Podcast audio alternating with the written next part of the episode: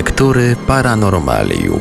W Radiu Paranormalium kontynuujemy prezentację niezwykle interesującej książki pod tytułem My z kosmosu, autorstwa nieżyjącego już badacza i publicysty Arnolda Mostowicza. Większość sensacyjnych jak na lata 80. spraw do dziś nie znalazła satysfakcjonującego wyjaśnienia. Na antenie zaprezentujemy w odcinkach wydanie drugie tej książki z 1984 roku. Posłuchajmy jednego z fragmentów. W swoim przemówieniu podczas narady w Birakanie Orgel zauważył: Może to śmieszne uważać, że otrzymaliśmy podobny przekaz z innej planety ale byłoby brakiem wyobraźni uważać to za niemożliwe. Ale jak się okazuje, nie była to tylko ze strony obydwu uczonych próba przekory, ani też ucieczka w sferę fantastyki. Oto bowiem Crick uznał, że w świetle coraz solidniejszych badań hipoteza jego znajduje uzasadnienie. W zachodnio-niemieckim dzienniku Die Welt 15 listopada 1981 roku ogłosił bowiem artykuł pod tytułem Zarodki z kosmosu. Wysnuwa w nim tezę, że statki kosmiczne są, a raczej mogą być zbyt powolne, by rozsiać życie po całej naszej galaktyce.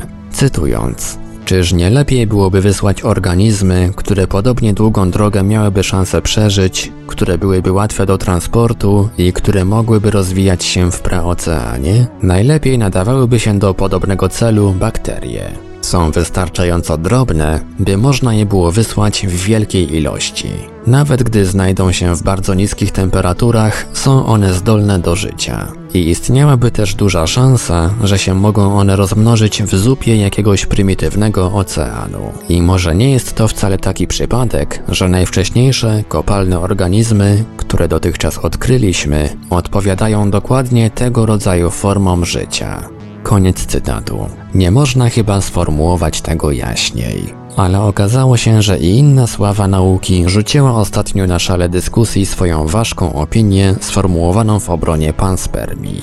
Tą sławą jest wielki astronom angielski Fred Hoyle. Kilka lat temu Hoyle wraz ze swoim współpracownikiem Uczonym hinduskim Chandrą Vikramasinghe przedstawił swoją własną teorię powstania życia i, wywodzącą się z tej teorii, hipotezę kosmicznego pochodzenia wielkich pandemii.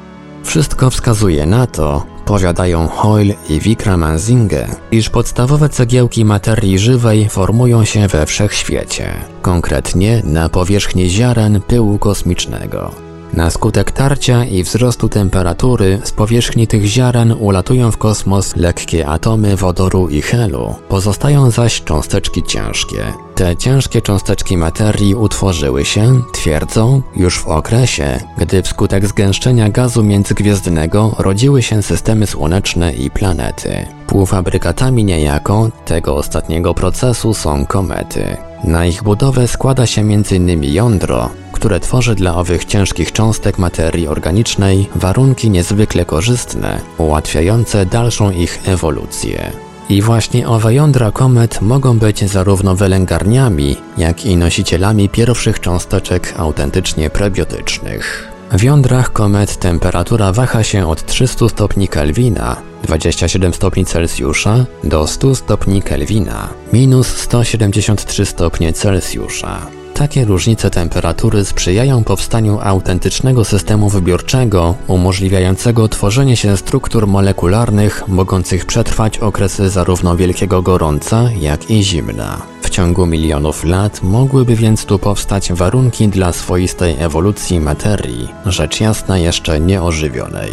W następnym etapie promienie ultrafioletowe Słońca umożliwiłyby polimeryzację, i powstanie cząsteczek jeszcze bardziej złożonych, takich jak polinukleotydy, niezbędne przy tworzeniu się białek. W ten właśnie sposób, twierdzą Hoyle i Wickramansinge, w łonie jądra komety pojawiłyby się pierwsze cząsteczki materii już żywej.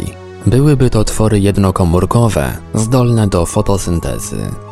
Wiemy, mówią obaj uczeni, że takie organizmy są zdolne do życia, nawet jeśli promienie słoneczne są 10 razy słabsze niż te, które innym bakteriom potrzebne są do przeżycia.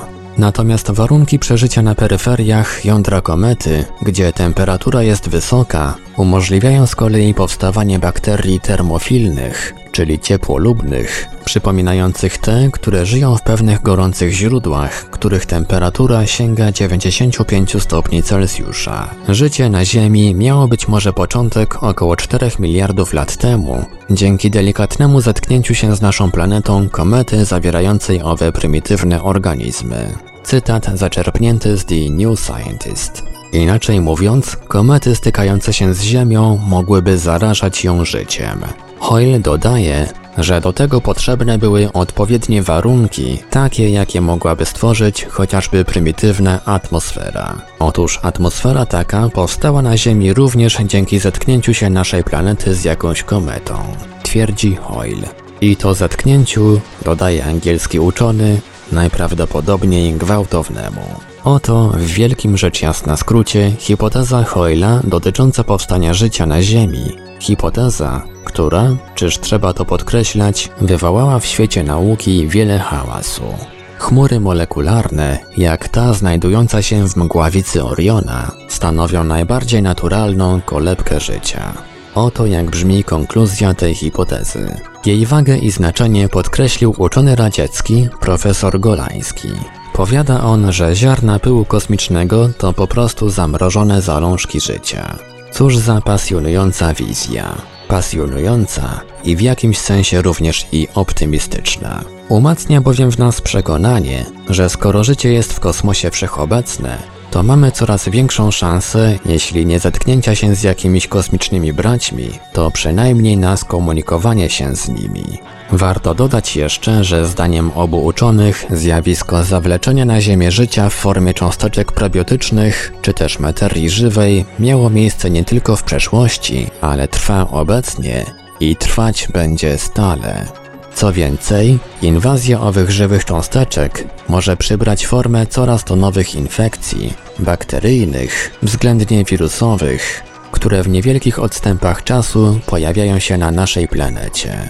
W ten sposób różne epidemie, których pochodzenie nie potrafimy sobie wyjaśnić, byłyby efektem zetknięcia się naszej planety z pyłem kosmicznym, będąc jednocześnie dowodem, że życie w łonie komet rozwija się ciągle i stale. Oto podstawy hipotezy Hoyla i Vikramansinge, która przecież stanowi odmianę teorii panspermii i stara się dowieść powszechności życia we wszechświecie. Wróćmy jednak do innych spraw poruszonych na owej konferencji w Armenii. Wyrażając takie czy inne zastrzeżenia teoretyczne, wszyscy jej uczestnicy zgodni byli co do sprawy zasadniczej. Jeśli jest możliwe życie na innych planetach, to według wszelkiego prawdopodobieństwa musiało ono doprowadzić do pojawienia się istot rozumnych, dokładnie tak jak to się stało na naszej planecie, będącej na razie jedynym znanym nam przykładem podobnego rozwoju. Gdyby zaś życie gdzieś w kosmosie rozwinęło się z tych samych elementów co u nas, w 99%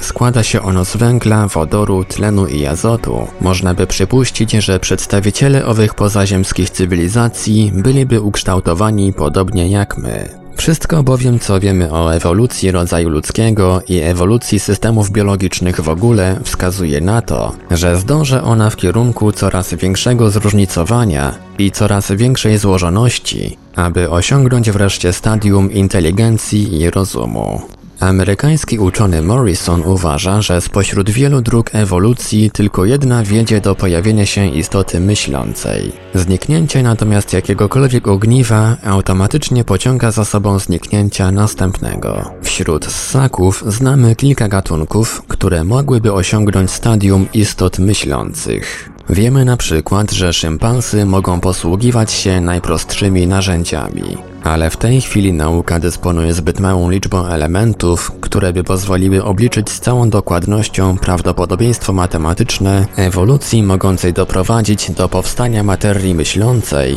a w rezultacie cywilizacji takiej jak nasza. Problem to zresztą interesujący i warto poświęcić mu kilka słów. Amerykanin Platt wyraża opinię, że cywilizacje pozaziemskie, o ile istnieją, przekroczą lub przekroczyły ten etap rozwoju technologicznego, jaki obserwujemy obecnie na Ziemi. Nie oznacza to jednak, że wszystkie cywilizacje pozaziemskie przekroczą to stadium i osiągną poziom, który pozwoliłby wyśledzić je w przestrzeni kosmicznej. Wszelkie nasze przypuszczenia możemy opierać na analizie rozwoju naszej cywilizacji i na futurologicznych prognozach dotyczących jej dalszego rozwoju. Jeśli się zastanowić nad aktualnymi tendencjami rozwoju ziemskiej cywilizacji, można przypuścić, że rozwój ten osiągnie granice, których przekroczenie może pociągnąć za sobą śmierć. Może, ale nie musi. Bowiem, twierdzi Platt, trwałość istnienia każdej cywilizacji nie jest sprawą określonych granic trwania, ale przekroczenia jakiegoś określonego progu.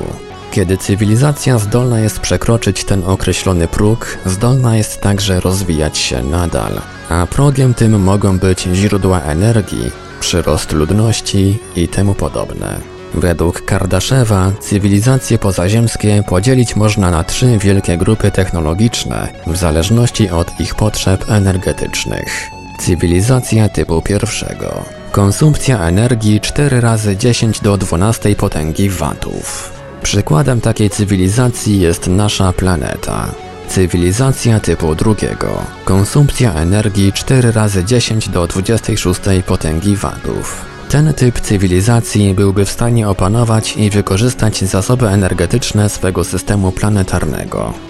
Cywilizacja typu trzeciego. Konsumpcja energii 4 razy 10 do 37 potęgi watów. Ten typ cywilizacji posiadałby zdolność opanowania całej swojej galaktyki.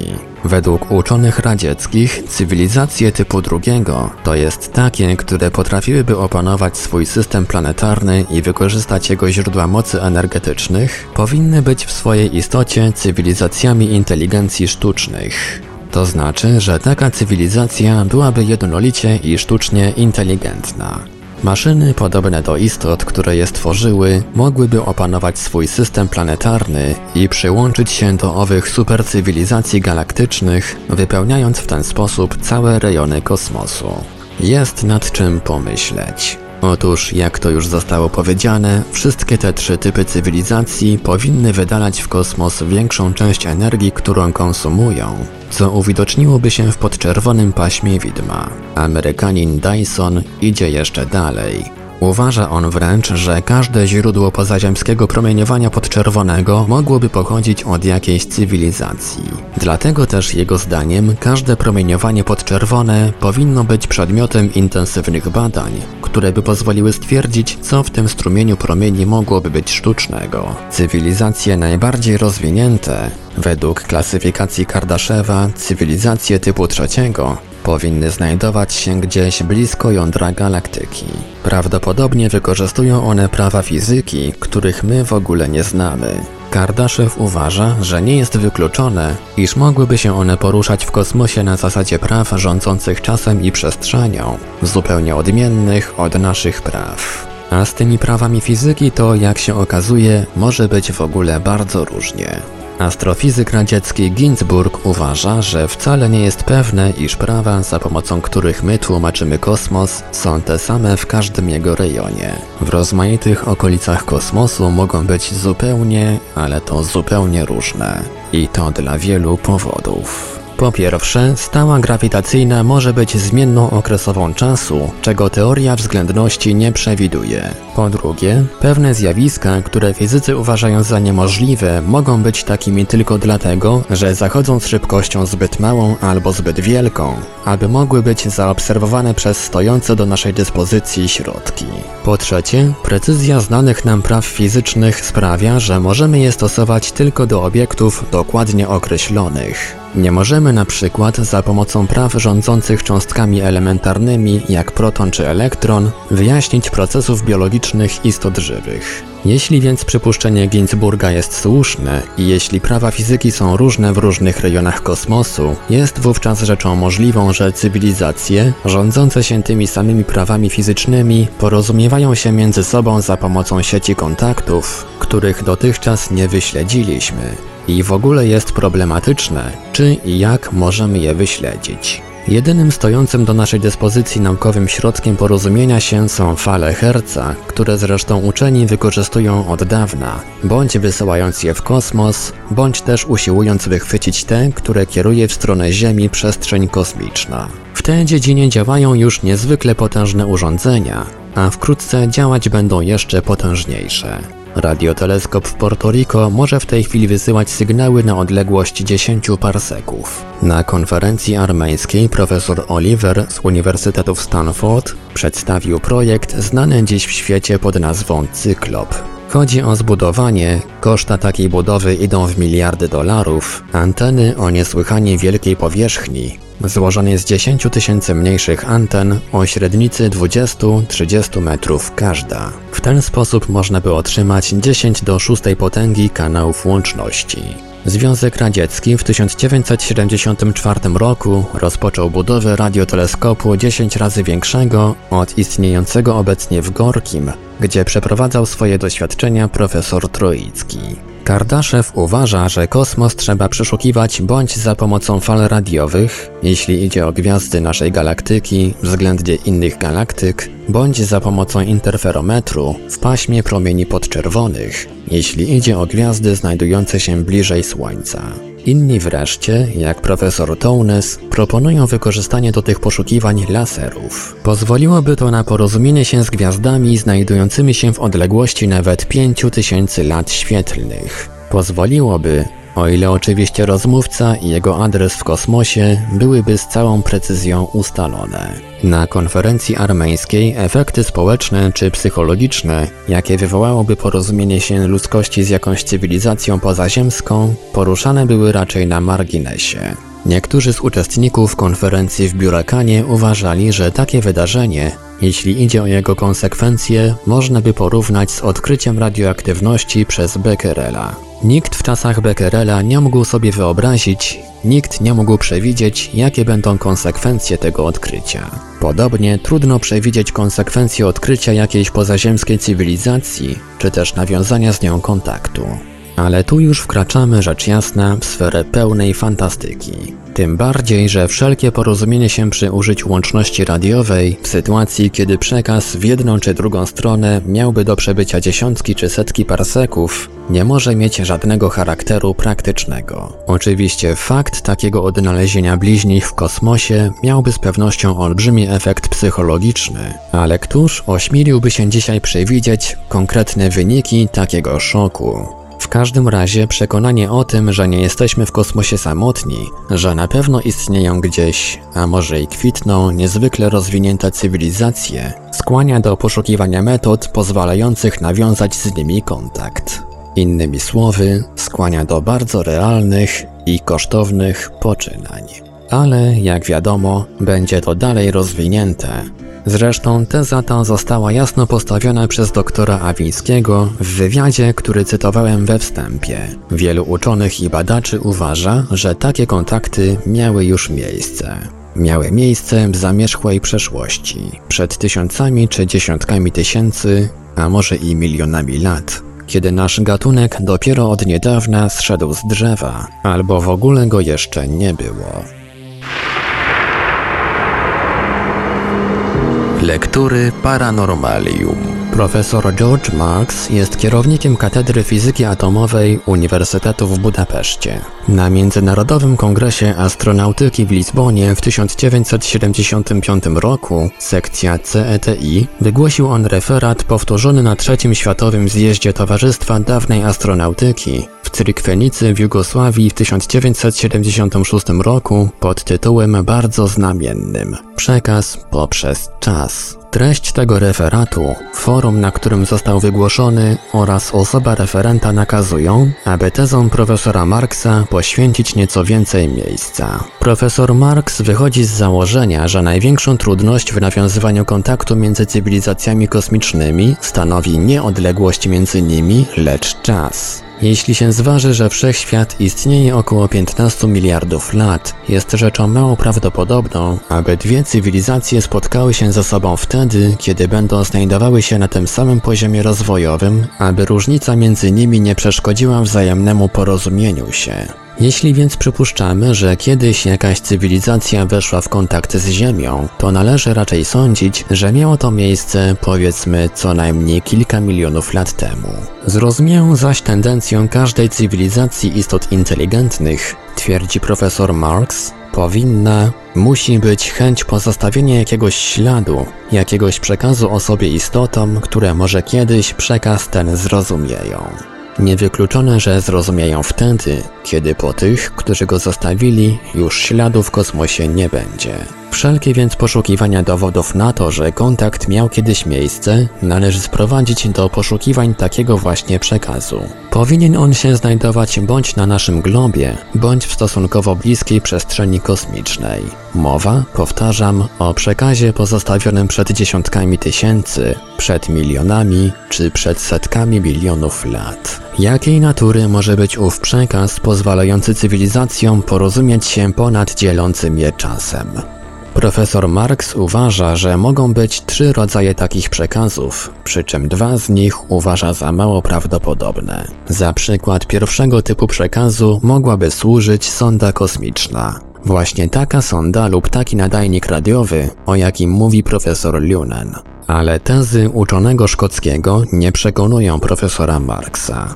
Uważa on bowiem, że oceniona przez Lunana na 10 tysięcy lat różnica między umieszczeniem owego przekazu radiowego na orbicie, a narodzeniem się naszej cywilizacji jest zdecydowanie zbyt mała. Nieprawdopodobnie mała. Marx uważa, że logiczna byłaby różnica kilku milionów lat, co najmniej. Nie można, twierdzi, budować całej hipotezy na tak niewielkim okresie, który miał upłynąć między transmisją a recepcją. Natomiast próby dłuższego okresu nie wytrzyma żaden tego typu elektroniczny przekaz, bowiem dla elektroniki czas jest większym wrogiem niż dystans. Wniosek stąd, że wprawdzie każda cywilizacja jest zainteresowana przekazaniem o sobie informacji, ale przekaz elektroniczny jest na dłuższy okres zbyt niepewny. Innym typem takiej informacji mógłby być przekaz o charakterze nuklearnym. Jakaś cywilizacja, wychodząc z założenia, że większość jąder atomowych we wszechświecie to formacje stałe i że izotopowe stopy czy konstrukcje nie zniszczą się ani pod wpływem ognia, ani korozji, mogła przekazać nam napisany przez siebie list w tej właśnie formie o wysokiej trwałości. A literami tego listu byłyby protony i neutrony, to znaczy ich liczba w jakimś sztucznym ciele stałym. Oparte na liczbie atomowej, czyli na ilości protonów w jądrze i na odchyleniu od najbardziej stabilnej liczby masowej, Łączna ilość protonów i neutronów w jądrze, takie ziarenko o sztucznej izotopowej strukturze mogłoby zawierać około 100 bitów informacji. Można tę kompozycję wzbogacić do 2000 bitów, co byłoby równoznaczne z 400-literowym telegramem. Taki przedmiot o odbiegającej od normy kompozycji izotopowej może kryć w sobie swoisty list napisany miliony lat temu, a przeznaczony dla nas, gdy dojrzejemy, by go zrozumieć. Tylko, powiada profesor Marx, jakże łatwo może podobny przekaz ginąć gdzieś, zawieruszyć się na naszym globie. Gdzie go szukać? Stwierdzono na przykład, że niektóre ostatnio zbadane meteoryty zawierają dziwną obfitość izotopów. Ale większość meteorytów przedhistorycznych zginęło na zawsze. Tu uwaga na marginesie. W roku 1885 fizyk dr Gouvet znalazł w Austrii w liczących miliony lat pokładach węgla przedmiot, którego ani struktury, ani pochodzenia nie zdołano wówczas ustalić. Albo struktura jego była izotopowa, albo był to kawałek meteorytu. Ale ważniejsze jest to, iż przedmiot był bardzo dobrze obrobiony. Tworzył on równoległobok o wymiarach 67 na 67 na 47 mm i ważył 785 gramów. Umieszczony w Muzeum Salzburgu przedmiot ów, który tyle kłopotów sprawił uczonym, po prostu zniknął około roku 1910. Trudno oczywiście powiedzieć dzisiaj, czy przedmiot ten był czymś w rodzaju owego przekazu, o jakim wspomina Marx, ale że nie było to znalezisko bagatelne, to nie ulega wątpliwości. Jeśli ktoś jednak ma jakieś wątpliwości, to pozwolę sobie powołać się tu na dwa autorytety. Pierwszy to wspomniany już profesor Duncan Lunan, który w swojej książce Człowiek i Gwiazdy wydanej w Londynie w 1974 roku, zalicza ów tajemniczy przedmiot do najważniejszych dowodów na to, że Ziemię naszą odwiedzały w przeszłości istoty pozaziemskie. Drugim autorytetem jest profesor Aleksander Gorbowski, historyk. Fragmenty jego książki cytował w numerze 1638 z 29 sierpnia 1976 roku przekrój. I on wspomina o owym przedmiocie znalezionym w kopalniach austriackich. Tłumacz albo zecer pomylił się pisząc o kopalniach australijskich. Gorbowski uważa, że był to z pewnością obrobiony kawałek meteorytu, który przeleżał w warstwach trzeciorzędu, co oznacza, że czyjaś rozumna ręka dotykała go około 30 milionów lat temu. Wróćmy jednak do rozważań profesora Marksa. Uważając zatem, że tak przekaz elektroniczny, jak i nuklearny nasuwają wiele niedogodności, wysuwa on domniemanie, że jeśli jakaś cywilizacja chciała pozostawić nam przed milionami lat jakiś przekaz, to jedynie materia żywa odpowiadałaby wszystkim wymogom takiego zamiaru. Byłby to więc przekaz biologiczny. I tutaj powołuje się profesor Marx na hipotezę Orgela i Cricka, o której poprzednio była mowa. Przypominam, Orgel i Crick uważają, że nie można wykluczyć, iż życie na naszą planetę mogło zostać przesłane z innej planety. Mogło zostać przesłane za pomocą odpowiednich, odpornych na działanie promieni kosmicznych pojemników zawierających żywe zarodki. Najważniejszą cząstką materii żywej jest drobina DNA, czyli kwasu dezoksyrybonukleinowego, składającego się z nukleotydów, których sekwencje tworzą kod genetyczny każdej żywej istoty na Ziemi. Ilość nukleotydów w DNA jest olbrzymia, stąd też olbrzymia możliwość ich sekwencji i olbrzymia różnorodność świata żywego. Jeśli zważyć, że w stosunkowo prostej formie DNA znajduje się 5 razy 10 do 6 potęgi nukleotydów, oznacza to 5 razy 10 do 6 potęgi liter w czwórkowym alfabecie. Czwórkowym, bowiem w DNA istnieją tylko cztery rodzaje nukleotydów. Jest to równoznaczne z 10 do 7 potęgi bitów, czyli z książką o tysiącu stronic. Z drugiej strony, przypomina profesor Marx, wiemy, że stosunkowo duża część tej genetycznej informacji jest z genetycznego punktu widzenia zupełnie nieaktywna. Jakiż więc lepszy, pyta autor, przekaz można by skierować na odległą planetę? Przekaz, który byłby łatwy do transportu, który by się rozmnożył po przybyciu na miejsce i który mógłby zostać odczytany przez inteligentną rasę na tej docelowej planecie po uzyskaniu przez ową rasę naukowej dojrzałości. Nie ulega wątpliwości, odpowiada profesor Marx, że najbardziej ekonomicznym rozwiązaniem byłoby przesłanie zawierającego informacje i samoreprodukującego się łańcucha molekuł. Niewykluczone, że przed miliardami lat jakaś zaawansowana cywilizacja przygotowała takie posłanie i skierowała na naszą planetę. Te pozaziemskie molekuły DNA mogły stać się punktem startowym naszej biologicznej ewolucji. Możliwe, Powiada autor, że treścią takiego przekazu była jedna tylko informacja: życie jest możliwe.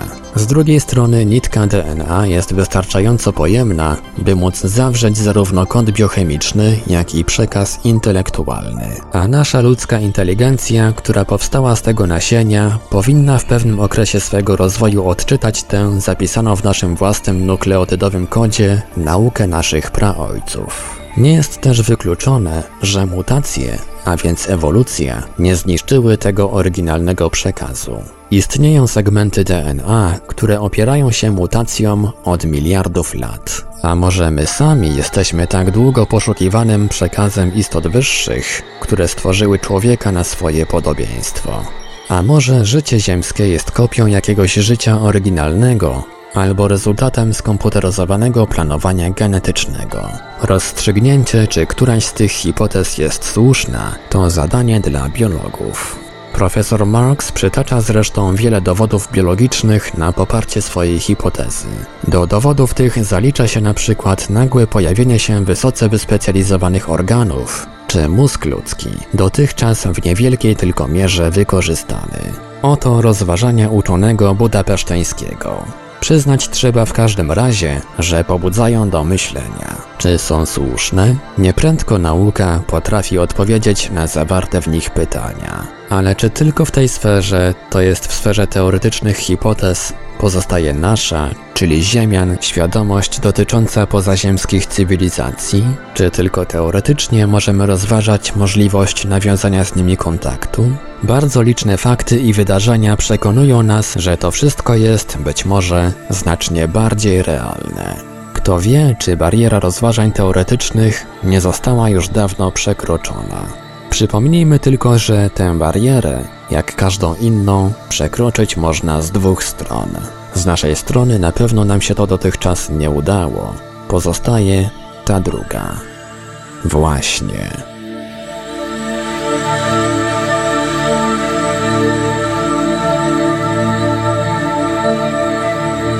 Radiu Paranormalium zaprezentowaliśmy fragment książki Arnolda Mostowicza My z kosmosu. Dalszy ciąg w kolejnym odcinku Lektur Paranormalium. Lektury Paranormalium